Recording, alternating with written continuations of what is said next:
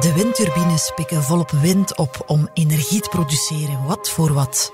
Het Nationale Controlecentrum controleert onze elektriciteitsvoorziening minuut per minuut.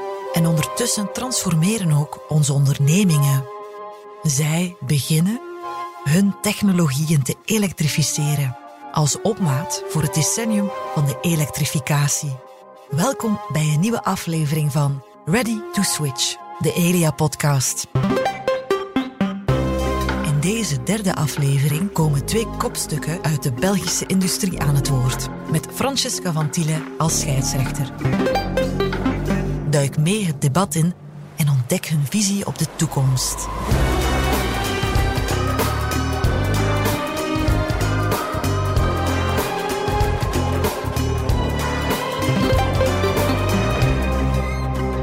We gaan het in deze podcast hebben over ons elektriciteitsverbruik. Want dat zal er in de toekomst compleet anders uitzien.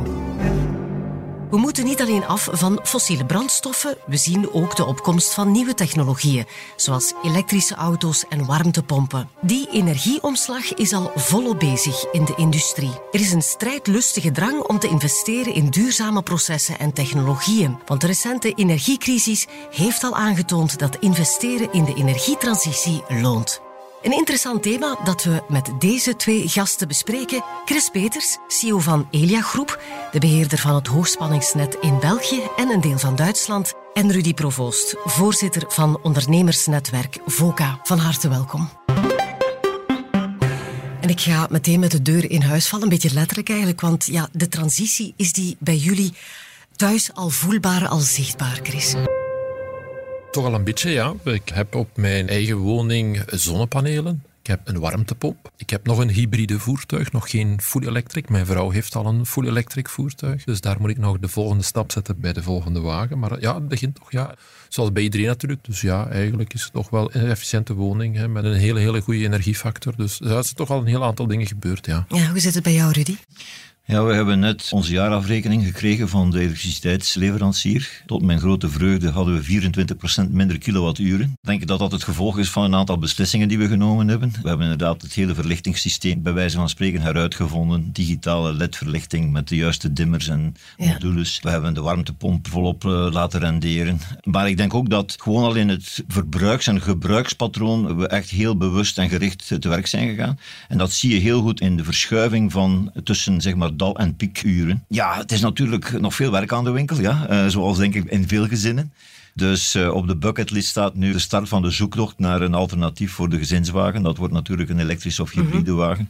Maar daar moeten we wel nog wat overleg over plegen. En ja, dat is de eerstvolgende stap, denk ik. Ja, het is duidelijk dat de veranderingen bij jullie thuis al eh, voelbaar en zichtbaar zijn, maar de grootste transformatie die is momenteel bezig in de industrie. Laten we even luisteren naar een kort statement van Ursula von der Leyen, Europees Commissievoorzitter.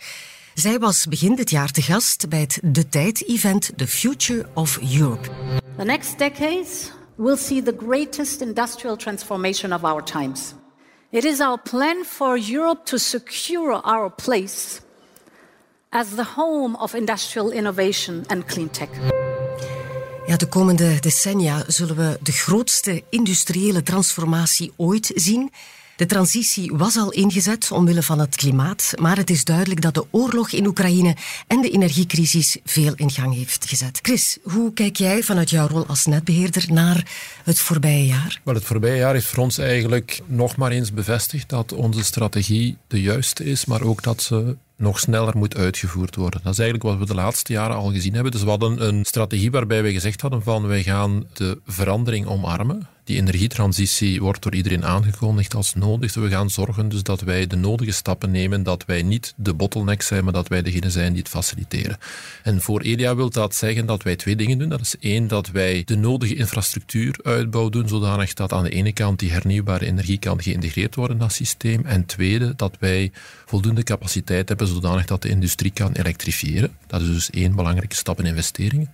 Tweede gaat rond digitalisering. Dus want als je gaat elektrificeren, als je gaat meer hernieuwbare energie binnenbrengen in je systeem, ga je meer flexibiliteit nodig hebben. En die flexibiliteit kan je alleen maar beheersen als je dus ook al je processen begint te digitaliseren. Dus op die twee stappen waren wij volop aan het werken. En we hebben dan eigenlijk over de jaren gezien dat initieel met de Green Deal, met Fit for 55, dat Europa een tandje bijstak. Hè. Als we onze klimaatdoelstellingen willen behalen, dan moeten we ervoor zorgen dat wij sneller gaan. Hè. Dan zag je dat de ambitie telkens toenam. En dat wou dan ook zeggen dat onze investeringsprogramma's toenamen. Maar nu zien we dan het laatste jaar dat door het feit dat die oorlog er kwam, dat het niet meer alleen rond klimaatverandering was, maar dat er ook een hele discussie kwam rond aan de ene kant hoe worden we geopolitiek onafhankelijk. En dat is natuurlijk lokaal geproduceerde hernieuwbare energie ja, gecombineerd met de discussie rond kernenergie, is degene die er nu voor zorgt dat we toch zorgen dat we een grotere onafhankelijkheid gaan krijgen. En aan de andere kant zagen we dan ook de hele discussie rond de industrie, de, de hoge gasprijzen, door de hoge prijzen van fossiele brandstoffen. Sommigen begonnen zelfs hun productie te stoppen. Was er een hele grote bezorgdheid, kunnen ze wel hier blijven? En toen zagen wij bij onze klanten dat veel van onze klanten eigenlijk zeiden van hetgeen wat we een paar jaar geleden ingekocht hadden met een soort van premie, omdat het dan was om groen te zijn, is vandaag het goedkoopste deel van ons portefeuille geworden. En hadden we maar meer gekocht. Hadden jullie maar sneller gewerkt, hadden we maar sneller die energietransitie gedaan, want dan waren we al onafhankelijker van die fossiele brandstoffen en hadden we eigenlijk meer energie Misschien met een klein beetje hogere prijs dan het verre verleden toen die fossiele brandstoffen zeer goedkoop waren, maar toch niet zoveel duurder dan wat we vandaag zien door die oorlog, door die gascrisis die we gezien hebben. En dus dat was wel heel belangrijk voor ons, dat we daar zagen van de strategie zit juist, maar willen we niet de bottleneck zijn, moeten we opnieuw versnellen. Ja, bedrijven zijn eh, wakker geschud uit het voorbije jaar. Betaalbare energie, is geen evidentie. Mhm, dat is inderdaad waar. Vorig jaar was een echte rollercoaster die op een pijnlijke manier de kwetsbaarheid van het energiesysteem heeft blootgelegd. En dat op drie fronten. Betaalbaarheid, wat je net aangaf bevoorradingszekerheid en beleidskwaliteit. Als je het hebt over betaalbaarheid, uiteraard voor bedrijven was het ontzettend uitdagend, want uh, ja, de energieprijzen gingen door het dak. Ook eh, de automatische loonindexering, die een belangrijk element, drie een derde daarvan uh, uit energie bestaat werd verder de lucht ingeduwd. Dus bedrijven die hebben daar echt aan de lijf ondervonden wat dat betekent in termen van kosten. Klopt wat Chris zegt. Hè? Bedrijven die al vroeger ingezet hadden op groene energie, op energie-efficiënte oplossingen, die eigenlijk geanticipeerd hadden, die sneller waren, de first mover advantage hadden, die hebben duidelijk geprofiteerd daarvan. Wat beschikbaarheid betreft, ja, ik denk dat het nog nooit zo duidelijk is geweest dat... Uh, wij zo snel mogelijk moeten overschakelen naar de juiste en een meer adequate duurzame mix van hernieuwbare en nucleaire energie, toch nog voor de volgende jaren. En ik denk dat veel ondernemers zullen zeggen dat Elia en iedereen die belangrijk is in het ecosysteem, met name ook de overheid, veel meer moet inzetten op autonomie en onafhankelijkheid van energievoorziening. Met zoveel mogelijk elektronen en moleculen in eigen land en in eigen hand. Dus er is duidelijk ook een bezorgdheid bij ondernemers uh, in de bedrijfswereld. En dat brengt mij bij het derde punt, de beleidskwaliteit. Ja, duidelijk een gebrek aan visie. Hè. Heel veel symptoombestrijding, weinig structurele probleemoplossing. We hebben ook gezien dat noodmaatregelen die noodzakelijk waren wel hun effect hadden, maar ze kwamen te traag door. Europa speelde natuurlijk een rol, bijvoorbeeld met de Temporary Crisis Framework, maar de doorvertaling daarvan, de operationalisering daarvan, mm. in Vlaanderen, bij de bedrijven en de ondernemingen, ja, die ging veel te traag. En werd nog onderworpen aan strengere regels dan de regels die op Europees niveau van kracht waren. Zelfs in die mate dat er eigenlijk een concurrentieprobleem ontstond of ontstaat met grote landen zoals Frankrijk en Duitsland. Dus complex, een wake-up call. En er moet gestreden worden op die drie fronten. Betaalbaarheid, bevoorradingszekerheid en beleidskwaliteit. Er was heel wat crisismanagement. Hè. Het is een hypothetische vraag, maar wat als we alle miljarden die we tijdens de energiecrisis hebben uitgegeven aan ondersteuning al geïnvesteerd zouden hebben in die energietransitie? Hoe zou ons energielandschap er vandaag dan hebben uitgezien? Chris? Maar ik zou vooral gehoopt hebben dat dat zou geïnvesteerd zijn in sociale bescherming. Want wat we daar gezien hebben is toch dat Uiteindelijk is dat de plaats waar de energietransitie vandaag het minst snel loopt. Ja, die mensen hebben vroeger geïnvesteerd en terecht, wat was op dat moment de goedkoopste vorm van energie. Op dat moment was het klimaatprobleem nog niet zo heel duidelijk bij iedereen. We hebben het zelfs nog gestimuleerd hè, dat ze op basis van mazoet of op basis van gas hun installatie gingen zetten. Uiteindelijk zie je daar, die zitten in slecht geïsoleerde huizen, waar nog zeer veel werk aan is om die efficiënt te maken. Je hebt nog geen warmtepomp, kun die ook niet plaatsen, omdat die energieefficiëntie te laag is van dat huis. Een warmtepomp verwacht wordt dat je op lage temperatuur kan werken. En dus daar hebben we enorm veel geïnvesteerd om die mensen boven water te houden. Maar hadden we daar eerder ingezet om ervoor te zorgen dat ze energieefficiënt waren en dat ze voor een stuk in de richting van die energietransitie al zonnepaneel zouden hebben, al een warmtepomp zouden hebben, dan waren ze natuurlijk ook al veel minder kwetsbaar op dit ogenblik. Hadden we daar veel minder moeten doen.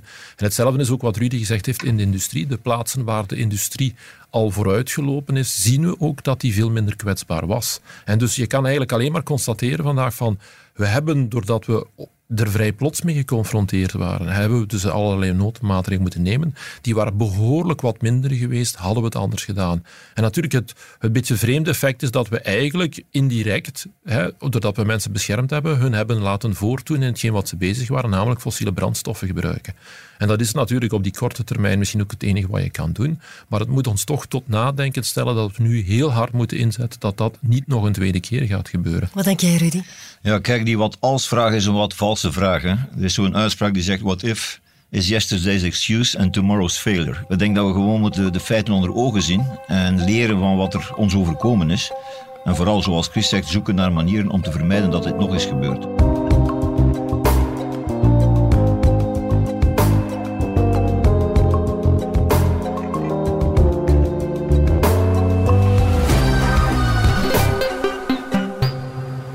Als we kijken naar Europa, kunnen we toch wel stellen dat Europa ambitieus is. Ze stellen hun doelstellingen ook keer op keer bij. Eerst hadden we de Green Deal, die werd gelanceerd in 2019. Daarna kwam er Fit for 55. Repower EU was dan de reactie op de Oekraïnse oorlog om ons minder afhankelijk te maken van Russisch gas. En begin dit jaar is de Green Deal Industrial Plan aangekondigd. Dit is het Europese antwoord op de Amerikaanse miljardensubsidies voor de groene industrie en ook de oneerlijke concurrentie uit China. Ja, het is duidelijk. Europa beseft dat we meer moeten doen en dat we het allemaal sneller moeten aanpakken. We luisteren even naar premier Alexander De Croo. Het is een fragment uit de persconferentie die hij midden februari gaf samen met de Duitse bondskanselier Olaf Scholz op de Duits-Belgische energietop in Zeebrugge. De industrie in Europa houden, dat moet een absolute prioriteit zijn. En vandaag staat dat onder druk. Vandaag staan we in concurrentie met de Verenigde Staten, staan we in concurrentie met China. En zorgen dat we daar op korte termijn Europese antwoorden in hebben, is, is voor beide landen zeer, zeer belangrijk. De industrie in Europa houden is een absolute prioriteit, zegt de premier. Wat moet er dan gebeuren, Chris? Maar ik denk dat het duidelijk is dat we die versnelling, waar ik daar straks over had, dat we die moeten kunnen inzetten. En als we die versnelling willen inzetten, dan gaat die komen van het creëren van het juiste kader om ervoor te zorgen dat dat kan. En dus wat je ziet nu is met die IRA in, in de Verenigde Staten, is dat zij op heel korte tijd een enorme versnelling aan het inzetten zijn. En dus Europa kan dat bijbenen, want we hebben vandaag een voorsprong, maar we zullen veel, veel sneller moeten schakelen dan we vandaag doen. Ik geef het voorbeeld, wij zijn vandaag ook actief in de Verenigde Staten, zijn daar activiteiten aan het opstarten die IRA omzetten in wetgeving, dat is een kwestie van een paar maanden. En die Nog even zeggen, het gaat over de Inflation Reduction Act. Hè? Inderdaad, de ja. miljarden subsidies die gegeven worden. En dus je ziet dat die wetgeving dat die eigenlijk zeer snel geïmplementeerd wordt. Dus dat vanuit het idee naar de concrete wetgeving het zeer snel gaat. En dat ze eigenlijk onmiddellijk van toepassing is op allerlei projecten. En dat je ook ziet dat die projecten dan onmiddellijk in een stroomversnelling komen. Er zijn er nog een aantal bijsturingen die moeten gebeuren. Er zijn een aantal discussies die we, waar we vandaag ook in zitten van welk deel heeft dan recht op die taxcredits en welk deel heeft geen recht op die taxcredits. Maar eigenlijk zie je dat die golf is ingezet en die investeringsbeslissing onmiddellijk aan het volgen zijn. Als we nu gaan kijken in Europa, die beslissing om de vergunningen sneller te laten gaan, die is al een paar jaar oud. Wie heeft het al geïmplementeerd? Duitsland heeft het dit jaar voor de eerste keer geïmplementeerd. Dat is het eerste land. Ja, alle andere landen moeten er nog aan gaan beginnen. En dan zie je dus wel van, wij hebben wel de juiste richting, maar naar implementatie zullen we veel sneller moeten zijn. Dat die infrastructuur kan komen, dat we sneller bijvoorbeeld er ook voor gaan zorgen dat er nieuwe zones op zee worden gedefinieerd waar dat offshore wind kan komen. Dat we ervoor gaan zorgen dat wij die innovatie verder gaan ondersteunen, zodanig dat het veel sneller kan omgezet worden naar reële investeringen. Ja, Rudy, we hebben het al gehoord hè, van verschillende bedrijfsleiders die zeiden ja, wij overwegen om volgende investeringen niet meer in Europa te doen. Hoe kunnen we hen toch overtuigen om te blijven? Het probleem van het Europese beleid tot nu was, er was geen integraal industrieel beleid. En het energiebeleid was niet gekoppeld aan een industrieel beleid. Dus ik krijg natuurlijk de Green Deal Industrial Plan toe. Maar het is, als ik het heel streng uitdruk, vijgen na Pasen. De verankering van de Europese industrie is essentieel. De verankering van de Vlaamse en de Belgische industrie is voor ons nog essentiëler. Als je kijkt naar de industrie in Vlaanderen, dat vertegenwoordigt vandaag 50% van alle onderzoek- en ontwikkelingsinvesteringen, 50% van de export, bijna een kwart van de tewerkstelling. Dus dan heb je het over gigantische belangen. Ja? En als we dit niet voor elkaar krijgen, dan krijg je inderdaad een brain drain. Je krijgt een situatie waar bedrijven uiteindelijk zeggen: het investeringsklimaat en het innovatieklimaat is er niet. Het wettelijk kader, het regulatoire kader werkt niet. Er zijn te veel uh, obstakels en te veel beperkingen. Dus de randvoorwaarden zijn er niet. En dat risico bestaat. Dus we moeten met z'n allen daar werk van maken. Het is ook belangrijk dat uh, we niet gegijzeld worden binnen Europa door de grote landen. Chris verwees naar Duitsland. Duitsland, Frankrijk zijn meteen op de kar van de Temporary Crisis Framework gestapt. Lopen bijna een jaar voor als het gaat om ondersteuning, zelfs subsidiëring van hun industrie. Dus je hebt een probleem qua level playing field binnen Europa. En dat moet dus zeer snel aangepakt worden. Er zijn heel grote bedrijven die, dan hebben we het over de ArcelorMittals en de BASF van deze wereld, ja, die vaak in hun hoofdkwartier, die zich dan of in Duitsland bevindt of in ander land buiten Europa, moeten verantwoorden waarom ze überhaupt nog die investering willen en daar hard moeten voor knokken.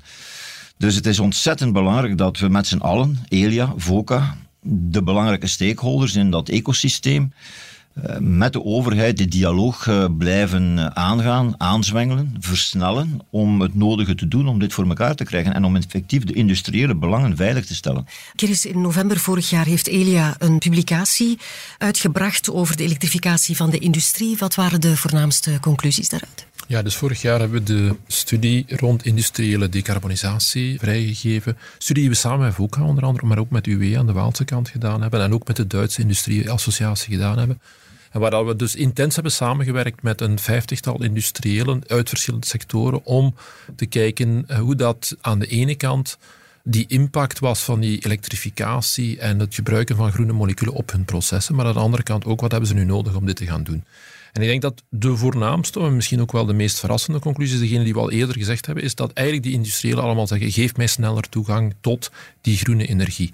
Want vandaag kijk ik in mijn portefeuille van mijn individueel, dus mijn bedrijfsenergiebevoorrading, en ik zie dat die PPA's die ik heb afgesloten met die windparken onshore, offshore, dat dat vandaag eigenlijk het goedkoopste deel van mijn portefeuille geworden is. En ik zie ook dat ik er eigenlijk liefst zo snel mogelijk veel meer zou hebben. Neem het voorbeeld van ArcelorMittal.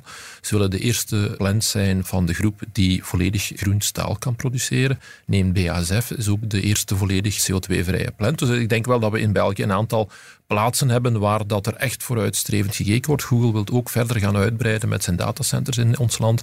Dus we zien een aantal plaatsen waar wel heel mooie dingen ziet gebeuren. Maar de vraag is altijd opnieuw dezelfde als ze met ons praten. Dat is van, zorg ervoor dat die infrastructuur er komt. Zorg ervoor dat we toegang krijgen tot die groene energie. Want zonder die groene energie krijgen wij die investeringen niet meer verantwoord op onze headquarters. Want zoals ik zeg, van al die groepen die ik net genoemd heb, de headquarters daarvan zitten niet in België. En toch proberen ze ervoor te zorgen dat ze die investering in België kunnen krijgen, net zoals Rudy ook gezegd heeft. Je verwees daarnet naar ArcelorMittal en ook BASF. Dat zijn twee bedrijven die ook hebben meegewerkt aan uh, die studie die je net even hebt toegelicht. We luisteren naar twee statements van de CEO van ArcelorMittal, Manfred van Vlierbergen, en de CEO van BASF, Jan Remise. We beginnen met Manfred van Vlierbergen. The availability and the stability of the grid is of utmost importance for us to realize our decarb roadmap. And it has even been a criterion to invest here in Belgium. As we will uh, increase our electrical infrastructure, the same challenge will have ELIA to increase the capacity of the public grid. And this will be a prerequisite to keep the energy intensive industry here in Antwerp, in Flanders, in Belgium. Ja, wat we horen is dat een aangepast en stabiel elektriciteitsnet cruciaal is voor het overleven van de Belgische industrie. Maar hoe rijm je dat met lokaal protest tegen projecten zoals Ventilus, bijvoorbeeld in West-Vlaanderen, Chris? Maar ik denk dat het belangrijk is dat als wij dit soort infrastructuur willen uitbouwen, ik denk dat het belangrijk is dat we ze ook kunnen uitbouwen om de welvaart hier te houden, dat we die dialoog aangaan met de mensen die daardoor geïmpacteerd zijn. Ja, je kan niet ontkennen dat mensen impact hebben van die infrastructuur. Hoofdzakelijk visuele impact, maar ook dat is heel, heel belangrijk in de huidige maatschappij. En dus dat je daar moet voor zorgen dat je dat die dialoog aangaat en dat je ook, voor oplossingen zorgt. Een aantal van die oplossingen kunnen we doen door mitigerende maatregelen te nemen. Een aantal van die oplossingen zullen ook bestaan uit het compenseren. Je kan niet een hele maatschappij gaan gijzelen door het feit dat een aantal mensen een bepaald project niet leuk vinden. Maar het is gewoon een feit, als je morgen zegt van we willen een hoge snelheidsterrein aanleggen tussen twee steden, iemand die midden op dat traject zit waar geen station is, die heeft daar eigenlijk geen grote voordeel aan. Die twee steden blijven even ver voor hem. En van de andere kant ziet hij natuurlijk wel hè, de last die hij krijgt van een voorbijdrazende trein om de zoveel tijd. Dus ik kan mij voorstellen dat hij zegt van ik wil misschien verhuizen of ik wil een compensatie hebben om dit te gaan doen. En dat denk ik dat we zeer ernstig moeten nemen. En Elia is daar ook helemaal toe bereid om samen met de overheid, want je moet natuurlijk een kader hebben waarbinnen je dit kan doen, om ervoor te zorgen dat dit correct kan gebeuren. Rudy, hoe kijkt de VOCA naar dat Ventilus-protest? Als het gaat om Ventilus, Ventilus is voor VOCA de missing link. Want uiteindelijk moet je de energie die opgewerkt wordt op zee naar land brengen. En we hebben het daarnet al gehad over bevoorradingszekerheid. Ja, bevoorradingszekerheid zonder de missing link is niet future-proof. Het is er gewoon niet, dus dit moet gebeuren. We hebben gezien dat er natuurlijk een hele evolutie is geweest in hoe mensen daar tegenaan kijken. In het begin heel veel weerstand. Ondertussen, denk ik, zijn we voorbij het punt dat men niet begrijpt waarom dit belangrijk is. En de verwachting is uiteindelijk dat de overheid, en er is niet één overheid, er is een Vlaamse overheid, maar ook een federale overheid, de nodige snelheid aan de dag legt en de vastberadenheid en de doortastendheid om dit voor elkaar te krijgen.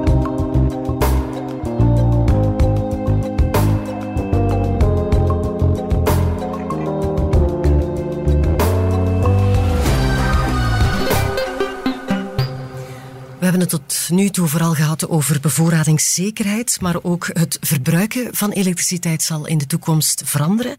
We luisteren even naar Inge Schildermans. Zij was tot voor kort general manager bij het zingbedrijf Nierstar. Ze gaat nu een vestiging leiden in de VS. Het bedrijf participeert in verschillende wind- en zonneparken en ze stemmen hun verbruik maximaal af op de productie van het moment.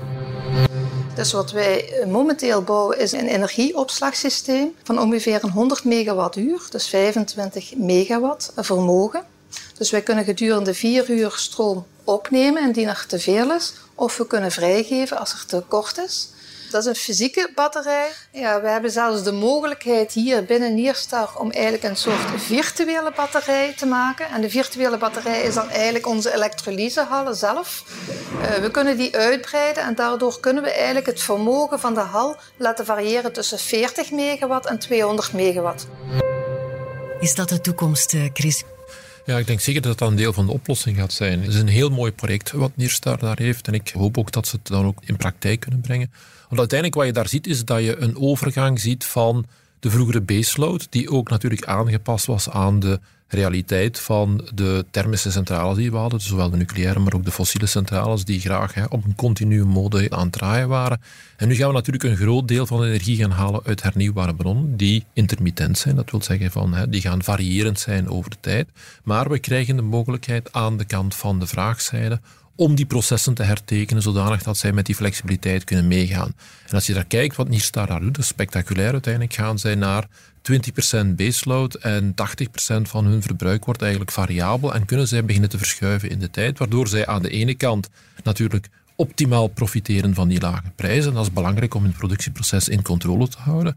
Maar van de andere kant ook dat zij bijdragen dat de, het netwerk zelf zo goedkoop mogelijk is. Want zij gaan eigenlijk energie gaan verbruiken op het ogenblik dat we er zeer veel op het netwerk hebben en we denken van waar geraken we die kwijt? Wel, bij Neerstar geraken we die kwijt. En op ogenblikken dat we bevoorradingszekerheidsdiscussies hebben, gaan zij veel minder gaan verbruiken en gaan we ook zeggen van zij hebben eigenlijk veel minder problemen die ze op dat netwerk gaan genereren. En dus wij juichen dat toe, dat bedrijven in die richting beginnen te denken. En we zien ook dat dat veel meer gebeurt. Ze beginnen echt hun bedrijfsprocessen te hertekenen in het kader van die decarbonisatie die ze aan het doen zijn. En daardoor zie je dus dat bijvoorbeeld rond ammonium allerlei discussies zijn van welke rol speelt ze, waar wordt die geproduceerd, hoe wordt die in het proces binnengebracht. En dan zie je dus dat er hele grote verschuivingen gaan gebeuren. En die zijn goed. Flexibiliteit is natuurlijk een van de sleutels voor industriële productiviteit. Bij de grote bedrijven is dat wel bekend en Nierstar is een mooi voorbeeld daarvan. Als je natuurlijk terug hebt over de kleine en middelgrote industriële ondernemingen, waarvan er heel wat ook energie-intensieve ondernemingen zijn, ja, dan is daar werk aan de winkel om die sensibilisering en die bewustwording aan te zwengelen. En dan kom je weer terecht in een discussie over een business case die werkt. Wij kennen voorbeelden van kleine en middelgrote industriële bedrijven die effectief wel een aantal stappen gezet hebben. Om het even tot concreet te maken, een bedrijf in de agrosector, die dus diepvries koelinstallaties heeft, die kan perfect op basis van dynamische temperatuurregeling hun productiviteit verbeteren, aan lagere prijzen elektriciteit gebruiken. En als zij inderdaad in staat zijn, en dat blijkt zo te zijn, om de elektrificatie van de bijhorende processen te verbeteren, ja, dan ga je inderdaad die flexibiliteit omzetten in productiviteit. Dus het is een kwestie van die specifieke business case duidelijk en klaar te hebben. Nu, we hebben met Elia de handen in elkaar geslagen. We hebben een samenwerkingsovereenkomst gesloten die getekend is door alle kamers waar dus bedrijven eh, mee werken. En de bedoeling is om inderdaad in dialoog te treden met een aantal bedrijven. Het wordt waarschijnlijk eerst een coalition of the willing. Ja, degenen die het meest er klaar voor zijn, ja, die gaan we natuurlijk proberen te betrekken. Zodanig dat we pilootprojecten kunnen opzetten, use cases bij wijze van spreken, die bewijzen dat het werkt. We hebben het tot nu toe vooral gehad over de industrie, de industriële flexibiliteit. Maar hoe zit het eigenlijk met u en met ik? Zullen wij ook die flexibiliteit moeten opbrengen? Bij jullie hebben we een aantal proefprojecten lopen die echt gaan over die individuele flexibiliteit. Die is voor ons belangrijk, niet op de schaal van het individu, maar die is natuurlijk belangrijk als iedereen begint elektrisch te rijden, als iedereen met een warmtepomp begint te werken. En dus willen we dan ook naar oplossingen gaan waarbij mensen maximaal kunnen profiteren van de flexibiliteit die ze in een systeem inbrengen door het elektrisch voertuig of door die warmtepomp. De schaal van het individu, zoals ik zei, is niet belangrijk. Maar als we maal miljoen gaan, dan wordt dat natuurlijk wel heel belangrijk voor ons dat we dat onder controle krijgen. Ja, het vergt een mentaliteitsverandering. Ik denk als je het hebt over de residentiële markt, dus de niet-industriële residentiële markt, dan ben ik het helemaal eens met Chris dat uh, daar opportuniteiten zijn. Maar het vergt ook weer een proces van leren. Denk maar aan optimalisatie. We hadden het net over piek- en dalverbruik. Digitale meters die dan hun rol gaan spelen. Slimme energiesystemen. Er is werk aan de winkel om mensen daar een stuk didactisch in te ondersteunen. Hè. Uiteraard moeten we het vandaag ook hebben over innovatie. Elia gaat voor de Belgische kust het eerste energie-eiland ter wereld bouwen. Daar zijn ze niet alleen bij Elia terecht zeer enthousiast over. Zelfs uh, Ursula von der Leyen pakt er heel graag mee uit. We luisteren naar een uh, kort fragment. The next big innovation is taking shape in the North Sea. Round about 45 kilometers off the Belgian coast. The world's first energy island. So the North Sea is rapidly becoming Europe's clean and affordable power station. Not only will it help us to get rid of Russian fossil fuels, Homegrown renewables will also power the world's next industrial revolution, made right here in Belgium and made in Europe. Made in Belgium en made in Europe. Ze klinkt bijzonder trots. Nu, Chris, kan je misschien eens even toelichten waarom precies dit project zo belangrijk is voor België en voor Europa? Er zijn een aantal dingen die hier belangrijk zijn. Het eerste wat belangrijk is, is dit is een eerste stap in de toekomst. En als Elia zijn we daar bijzonder trots op, omdat we eigenlijk verschillende malen een eerste stap in de toekomst gedaan hebben. We hebben een aantal jaren geleden in Duitsland voor de eerste keer een hybride interconnector geïnstalleerd. En een hybride interconnector, wat is dat? Dat is eigenlijk de combinatie van de interconnectie tussen twee landen en een aantal windparken die op die route liggen mee in dat net te gaan integreren. Dus eigenlijk is daar een kabel die getrokken is tussen Duitsland en Denemarken en er zijn drie windparken die op die kabel injecteren en zo brengen wij een combinatie van windenergie aan land, ofwel Denemarken ofwel Duitsland. En als er geen wind is, gebruiken we die kabel om energie uit te wisselen tussen die twee landen. Dus een heel efficiënt gebruik van infrastructuur en daardoor is die infrastructuur natuurlijk ook veel goedkoper in verhouding tot als je infrastructuur gaat hebben die alleen maar gebruikt wordt op het moment dat het waait. Dus in die zin is dat een heel mooie stap. Het eiland is een volgende stap, dus eigenlijk een knooppunt op zee. Wat gaat dat eiland doen? Het gaat aan de ene kant de nieuwe windenergie die gaat komen van de Prinses Elisabeth-zone, 3,5 gigawatt, een substantieel grote zone van windenergie die we gaan ontwikkelen, aan land brengen. Maar we gaan daar ook in de toekomst twee interconnectoren, de tweede interconnector naar het Verenigd Koninkrijk, Nautilus-project.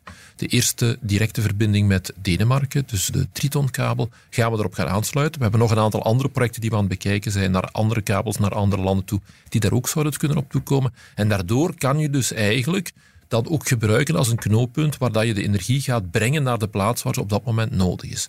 Dat is natuurlijk een hele belangrijke stap in de toekomst. En we zijn de eerste, maar de Denen zijn ons al aan het volgen. Ze gaan eigenlijk binnenkort ook een eiland gaan bouwen. We hebben een niet-artificieel eiland in de Baltische Zee, dat 50 Hertz, onze dochteronderneming, daar gaat doen. Dus je ziet dat langzaamaan die eilanden gaan komen en dat die eigenlijk een heel belangrijk deel van de energieinfrastructuur gaan worden. Ja, en dat is allemaal gedreven door innovatie, dat zo belangrijk is. Ja, en ik denk dat Chris het heel goed uit de doeken heeft gedaan. Het Noordzee-eiland is eigenlijk een schoolvoorbeeld van hoe je een ecosysteem creëert en hoe je ecologische belangen, economische belangen terzelfde tijd behartigt. We moeten dat ook zien in de bredere context. Vlaanderen is vandaag top 3 in West-Europa op vlak van onderzoek en ontwikkeling. Top 5 op vlak van investeringsgraad. Het volk aan eerder de handen in elkaar slaan is, is nieuw. Ja? Dat is ook een innovatieve aanpak van hoe je een ecosysteem creëert. Leading by example, zeg maar. Je moet circulaire economie omarmen. En er is niet een one-size-fits-all aanpak, want de antwoorden op de vragen zijn anders voor de chemische industrie, de staalindustrie, de agro-industrie, havenbedrijven, de logistieke sector, de transportsector. Dus daar hebben we ook werk aan de winkel om in termen van toepassingen en oplossingen de economische en de ecologische business case, bij wijze van spreken, echt heel concreet te maken.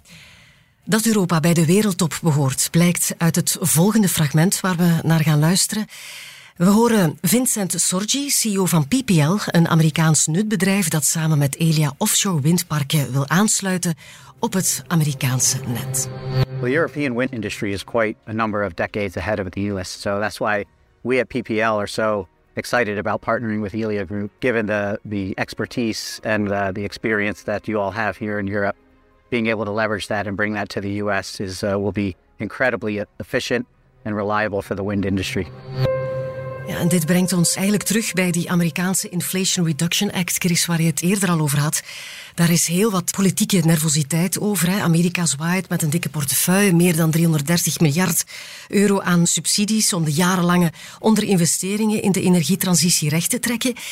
Is de subsidierace een bedreiging of zie je dit toch eerder als een opportuniteit voor Europa? Maar ik denk dat het voor Europa een wake-up call is. Dus ik denk van het zou een bedreiging kunnen zijn als we niet gaan reageren. Van de andere kant is natuurlijk, het is op korte termijn al een opportuniteit voor die bedrijven in Europa die al vooruitgekeken hebben en goed geïnvesteerd hebben. Dan zien we dus vandaag dat hè, onze, onze baggerbedrijven zijn actief in de Verenigde Staten. Er zijn een heel aantal technologiebedrijven, ook in die offshore sector, die samen met ons aan het kijken zijn naar die markt. Zoals je ziet, we hebben daar een aantal partnerships afgesloten. Dus er zijn vandaag op korte termijn voor een aantal bedrijven die al goed geïnvesteerd hebben in die technologie een aantal mogelijkheden. Ik denk dat Europa ook moet kijken van wat zijn de plaatsen waar dat wij eigenlijk willen outperformen, wat zijn de technologieën waarin we de sterkste willen zijn en ook hoe gaan we de ervaringen die we in de Verenigde Staten opdoen, hoe brengen we die terug naar Europa? Want vrij interessant is, we hebben het daar net over dat eiland gehad. Dat eiland is eigenlijk een absolute wereldprimeur die we gaan hebben.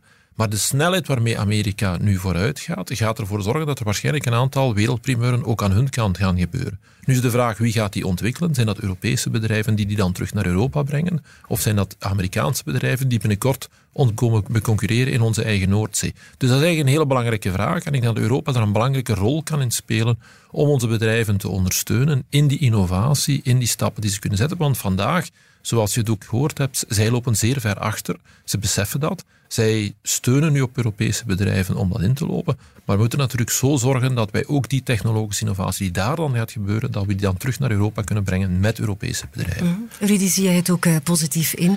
Er is een groot verschil tussen play to win en play not to lose. Ja? Waar ik mij zorgen over maak is dat dit misschien niet goed genoeg is.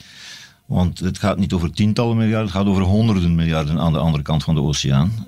En het gaat niet alleen maar over de United States, het gaat ook over China. Ja? Dus er zijn een aantal internationale geopolitieke krachtvelden die op dit ogenblik zorgen voor heel wat druk op de Europese ketel. En ik denk dat we nog verder moeten gaan dan wat er vandaag in de plannen staat. Ook vanwege het feit dat Europa nog niet de United States of Europe is. Met andere woorden, er is nog een grote graad van autonomie in de landen. En grote landen gaan vaak het voortouw nemen en daardoor ook voorsprong nemen in Europa, binnen Europa. Dus ik denk dat het heel belangrijk is om een echte integrale benadering te hebben. We hebben het er al over gehad. Energiebeleid moet aansluiten bij het industrieel beleid. Het moet een faire aanpak zijn, met andere woorden.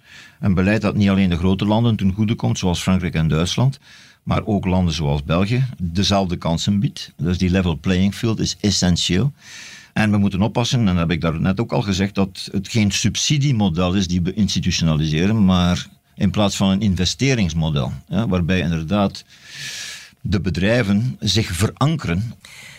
We hebben het al over heel wat thema's gehad, maar stel nu dat we vooruitkijken naar, neem 2040, dat is nog 18 jaar. Hoe zal ons energielandschap er op dat moment uitzien, Chris? Ik denk dat we op die tijd echt een hele andere wereld gaan zien. Maar ik denk ook als we 18 jaar terugkijken en we kijken waar we vandaag staan, dan zien we ook heel wat dingen die we niet verwacht hadden.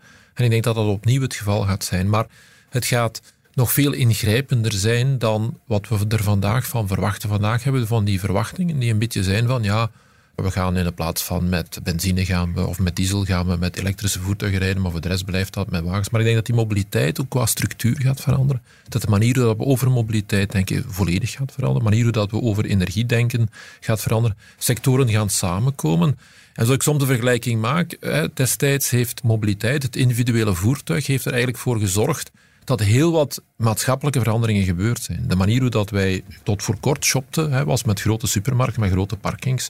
De manier hoe dat onze steden gebouwd werden met parkings, met de mogelijkheid om dan in die stad gaan rond te lopen, is voor een heel stuk gedefinieerd geweest door die auto. En nu ga je dus zien dat een heel deel van hoe dat we naar de toekomst gaan kijken, gaat ingevuld worden hoe dat die lage CO2-maatschappij er gaat uitzien. En dat voor een heel groot stuk is dat door het samenkomen van mobiliteit met elektriciteit, het samenkomen van warmte met elektriciteit. Dus we gaan hele boeiende tijden tegemoet, want die veranderingen die eraan komen zijn veel, veel groter dan alleen maar we gaan een aantal processen gaan elektrifiëren. Het gaat fundamenteel de manier hoe dat we naar dingen gaan kijken en gaan veranderen. En waarschijnlijk gaan ja, onze kinderen totaal een andere wereld instappen dan degene waar dat wij uitstappen. 2040, Rudy. Hoe kijk jij ernaar? Ja, ik verwacht een echt verregaande integratie van het Europese energienetwerk. Nu kijken we nog heel vaak door de lens van België of Nederland of Duitsland. Ik denk uiteindelijk dat we wel naar een model gaan waar de United States of Europe, als het gaat over energiebeheer, een noodzaak zal zijn. Een van de, denk ik, doorbraken zal zijn dat men een manier vindt om de energieopslag anders te organiseren.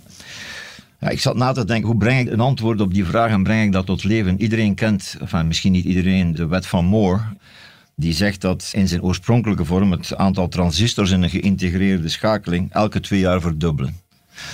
Dat heeft gezorgd voor een revolutie in de computerwereld en bewezen dat dat dus klopt. Stel dat je diezelfde wet loslaat op de batterijtechnologie. Ik heb even de berekening gemaakt. Als een capaciteit van een batterij vandaag 100 is, dan is dat binnen 20 jaar 100.000. Dat is een factor 1000. Dus als je eigenlijk extrapoleert wat in de wereld van, van de halfgeleiders is gebeurd en computers en je laat dit los op de elektriciteit en energie in de brede zin van het woord, dan heb je dus over een gigantische opportuniteit. Ja. Dus ik ben een optimist van aard. Ik denk dat die klimaatneutraliteit er aankomt en dat veel van wat wij vandaag als een amper mission possible of zelfs als Mission Impossible beschouwen, heel, heel concreet en reëel zal worden. Dus ja, optimisme is een moral duty. Hope is not a strategy. Maar met heel veel goede wil en doorzettingsvermogen komen we denk ik wel. En ik, ik hoop vooral dat er veel van zal uitkomen wat je hier allemaal vertelt, Rudy. En je zei ook klimaatneutraliteit, dat is nog eens tien jaar verder, hè, 2050, waar we naartoe streven natuurlijk. En ik hoop dat ik jullie over 18 jaar nog eens kan confronteren met deze recente uitspraken van, uh, van jullie beiden. Mag ik jullie bedanken voor dit fijne gesprek. Chris Peters, CEO van Elia Groep en Rudy Provoost, voorzitter van FOCA.